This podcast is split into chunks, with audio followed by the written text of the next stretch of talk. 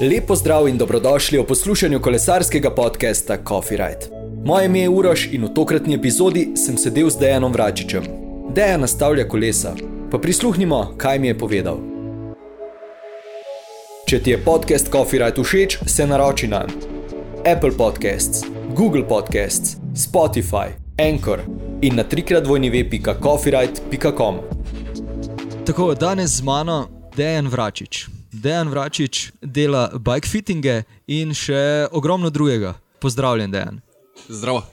Kaj počneš, kdo si, ena kratka predstavitev, kako bi se predstavil?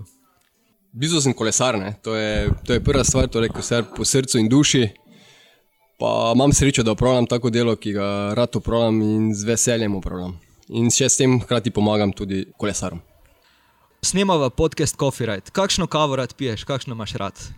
Čisto odvisno, tako da nimam neke priljubljene kave, samo da je kofein. Samo da je kofein. Tako. Super.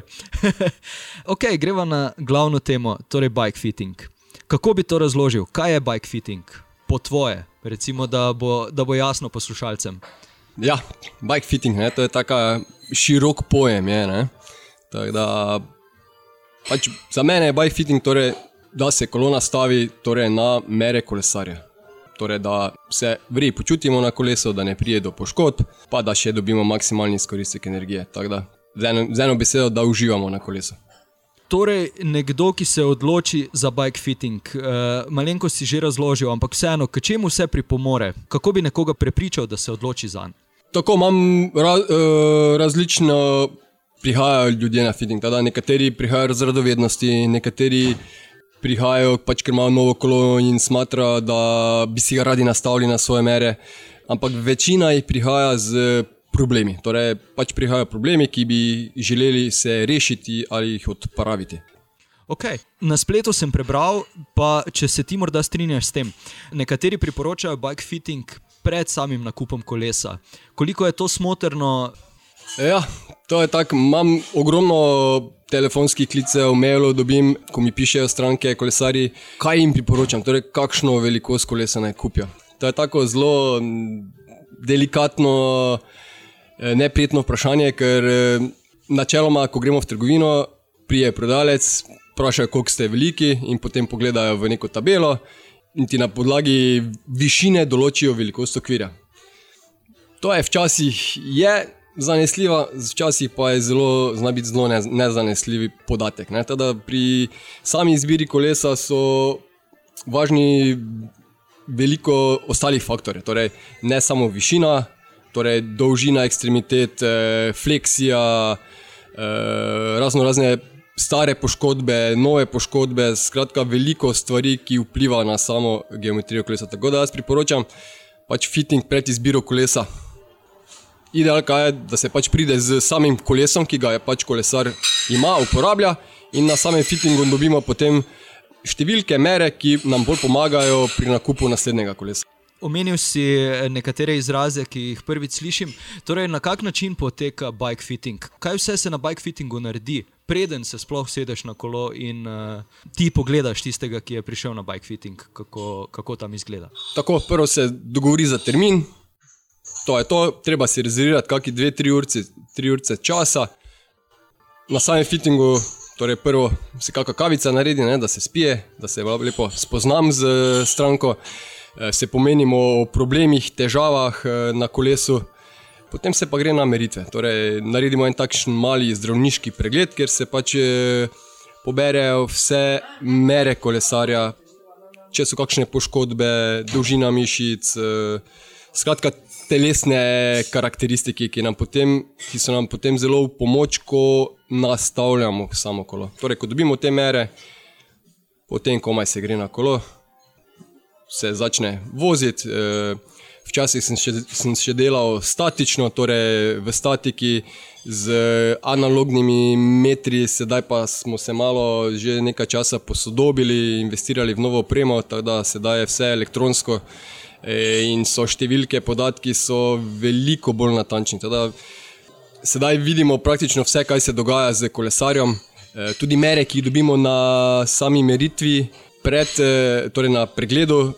dosti krat sopadajo z številkami, ki jih potem dobimo z računalniškimi meritvami. Teda delo je definitivno za mene dosti lažje, dosti natančnejše in tudi lahko dosti bolj pomagamo kolesarjem. Omenil si, da se je potrebno dogovoriti za termin in vse ostale stvari. Kaj pa je potrebno dejansko prinesti na bike fitting, poleg kolesa? Katere vse stvari še, torej najbrž čevlje? Torej, kolo, kole, kolesarska oprema, torej dres, hlačke, mačka, čevlje. Torej, če ima kolesar več čevljev, ki jih pač uporablja za različne priložnosti, se pač nastavijo vsi čevlji. Zato, če ima, kakšen, če ima kakšno staro komponento ali pa kaj, ki bi lahko bila v pomoč pri sami nastavitvi, prenese zraven, če, če vidimo, da lahko uporabimo, uporabimo, če ne. Pa imam jaz tudi vse komponente, ki je lahko na licu mesta porihtamo kolo, tako mora biti. Super. Katere komponente vse se zamenjujejo? Je to uh, samo sedež, samo krmilo, še kaj drugega? V bistvu se lahko zamenja, mislim, zamenja karkoli. Ne vem tako rekel, ampak tako. Torej, ploščice, torej ploščice obstajajo z različnimi koti, eh, ki pač niso primerne, vsak kot ni primeren za vsakega kolesarja. Torej, tudi s čevlji ima marsikdo probleme, eh, vložki sedež je itak najbolj pomembna stvar na kolesu, tako da tukaj je skoraj največ sprememb. Pogremo pa na sprednji del, torej krmilo, nosilec krmila, nastavitev samih ročk, tako da tu kar nekaj stvari se lahko zamenja, če je seveda potrebno. Omenil si vložke. Kaj so tiste stvari, ki jih zamenjava vložkov eh, doprinese oziroma spremeni? V, v katerih primerih no, bi eh, se zamenjali? Tako, če pač na kolesu, ko delamo pozicijo, pač eh, poskušamo, da dobimo kolena čim bolj ravno, torej boljši prenos energije, čim manj opleta na levo, desno. Teda pri pronacijah, eh, raznih različnih kotih stopal so nam recimo vložki lahko v zelo dober. Nam lahko koristijo, oziroma v mrtvenju stopal, eh, bolečina v stopalih, levo, desno stopalo sta ponovadi, redko kdaj sta enaka, tako da obstajajo klasični vložki, obstajajo tudi vložki narejeni po meri, torej unikatno levo, desno nogo, podpora stopalnega loka. Da, to je kar važno. Torej, kolo ima tri stične točke, torej čevlji, sedež in e, roke, ročke. Torej, na teh treh delih je pač največ pozornosti se polaga. V katerem primeru bi recimo nekomu rekel, da mu ne moreš nastaviti kolesa? Kaj mora biti tako zelo, zelo narobe, da, da se mora žal zahvaliti, pa reči, da ne gre. ja, tam rekel, da se je to že parkrat zgodilo, tako da prišla stranka, smo se pogovorili, kje so problemi, problemi bolečine v, v dlaneh, rokah, vratu, hrbtu. Pogledam stranko, pogledam kolo in smo žal sem mogel reči, pač, da ne moremo narediti fitka, ker je kolo res preveliko in eh, ga ne moremo toliko skrajšati, da, da se bi lahko še normalno, brez kakšnih težav vozil. To se kar dogaja. Ne? Torej, da si ljudje kupijo preveliko kolo. Kupijo, dobijo prodano, kakorkoli že, ampak ja, vse dogaja, vse dogaja. Zdaj, neke stvari se da rešiti z bike fittingom, tudi če je kolo malenkost preveliko ali v narekovajih premajhno. Pa tudi piše, da bi naj fajfica, ki je krajša kot 5 cm, bila že malenkost nevarna za handlanje kolesa. Je to res? Ni to res? Eh, nekateri pravijo, da krajša kot eh, je, težje je krmiliti? V teoriji drži, v praksi sem tudi že montiral krajše od 5 cm, pač stranka ne želi zamenjati okvirja. Ni nekih stranskih velikih učinkov, je res, da je vse bolj direktno, eh, vodljivo se je moče malo bolj, je nervozno kolo, ampak eh, ni za nekaj, nekaj hudega. Ampak seveda je priporočljivo zamenjati kolo, ampak če stranka pač ne želi ali kakor, kakorkoli že montiramo tudi krajše fajfice opet. Torej, eh, nekdo je prišel, opravil fitting in potem, ko je šel na kolo, se mu zdi, da neke stvari ne štimajo. Kaj v tem primeru se oglasi nazaj pri tebi, se pogovorita, tako, re, poskusita rešiti težavo? Tako na, na fittingu se pač opravi eh, nastavitev kolesa, torej na dotične mere kolesarja v tistem trenutku, torej, potem pa se izkaže, torej, če odvisno, kakšne spremembe sploh delamo. Ne? Lahko so spremembe so lahko ugodne, ki so že takoj v redu, ki ni nekega eh, dramatičnega vpliva na sam eh, potek kolesarja. Lahko pa tudi naredimo take spremembe, ki pa so zelo invazivne in pač kolesar potrebuje tudi dlje časa za dobro adaptacijo. Ne? Torej, če se pojavijo kakšni naknadni problemi, oziroma kaj takega, jaz točno vem, kaj sem naredil. Torej, pride stranka na eh, kontrolo in se tudi lahko dvakrat, trikrat. Pač moj cilj je, da kolesar, ko gre od mene, da vozi tako treba, torej, da uživa, da ne prije do bolečin, če je tekmovalec ali pa kaj, pa da dobi tudi tisti maksimalni izkoristek energije. Uh, torej, preko palca, koliko časa približno traja, da se navadiš kolo po bike fitu? Čisto odvisno. Imam primere, ko mi po treh vožnjah mi že pišejo maile, kako so zadovoljni, kako je vse super. Pač problem je to, torej, kolesar, ki kolesari na novo, je idealka, da si takrat nastavi pozicijo. Torej, da se že telo navadi v štartu na pravilno pozicijo. Za nekdo, ki dlje časa vozi kolo, tudi čuti bolj tiste spremembe, kaj naredimo. Ne? In tudi ima tudi rabi dlje časa telo, da se navadi. Ne? Ampak načeloma, če nastavimo tako treba, torej ugodno pozicijo, na dolgem roku nekih težav ne bi smelo biti. Bike fitting za odpravo bolečin, to si v štartu že omenil. Kaj so tiste bolečine, ki se jih da na bike fittingu res brez težav uh, odpraviti, oziroma ki jih kar hitro ugotoviš? Ja, brez težav, to je tako dobra beseda. Tada, uh, vsako telo je drugačno, ne? vsako telo tudi drugače reagira na spremembe, vsako telo je unikatno. Uh, Vsako telo je drugačno, vsak kolesar, ko k meni pride, ne moremo delati po neki šabloni, ampak vsak kolesar je izziv za, za sebe. Tak, tako da najlažje, pač z največjimi problemi pridejo v bolečinah v dlaneh, mrtvenje dlani, bolečina v ramenih, vratu, zgornji spodnji hrbet, sedež, ne? sedež je kar tako delikatna stvar, predvsem pri ženskah, eh, pa gremo pol nas dol proti kolenom. Eh, stopalom. Da, da rekel, večina stvari se da zelo lepo rešiti z bifittingom. Zdaj, če so res kakšne telesne nepravilnosti, anomalije, jaz nisem zdravnik, pol ga napotimo dalje k določenemu strokovnjaku, ki porihta te stvari in se potem stranka vrne, ko po te stvari porihta, jaz zaključim svoje delo veliko krat omenjaš sedež. Kakšne stvari so sploh pri sedežu pomembne, oziroma uh, kako se spremenjajo, glede na vsakega posameznika? Ja, včasih, pač pred leti nazaj, ni bilo neke velike izbire sedežev. Takrat so bili 130 mm sedeži na vseh kolesih in to je to, kar si lahko vozil. Torej, če te kaj bolelo, si pač potrpel. Dan danes uh, se tehnologija razvija.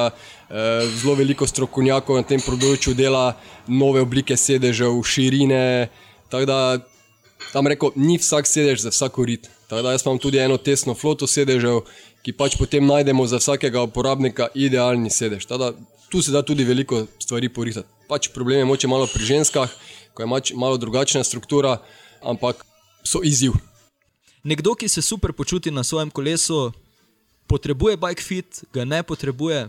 Ja, zadnji čas imamo dosti takšnih stran, ko, ko pride k meni, pa mi pove, super se počutim, koleso, nič me ne boli, ampak vseeno bi rad pre, preveril pozicijo, torej, da ne bi slučajno prišlo do kakih problemov. Tako da jaz pač moja želja, ne reko želja, ampak pač, eh, kaj si prizadevam, je pač vsak, ki, bi, ki kupi kolo, ki ga odpele iz trgovine, bi mogel takoj v štartu odpraviti tale nastavitev kolesa. Torej, da se telo navadi že od začetka, tako mora biti, ve v bodoče, kakšno kolo potrebuje, ve, kakšno širino sedeža potrebuje. Tada od začetka dobi te potrebne informacije za, ne bom rekel, nadaljno kariero kolesarjenja. Seveda, če se kaj telesno spremeni, pač tudi eh, stranke mi po letu dveh pridejo nazaj, se je fleksija spremenila, kakšna poškodba se pač mora tudi ponastaviti. Ne? Tudi če novo kolo dokupi, se pač te mere prenesejo, pač pride nazaj, se še enkrat premerijo določene stvari in se kolo nastavi na mere.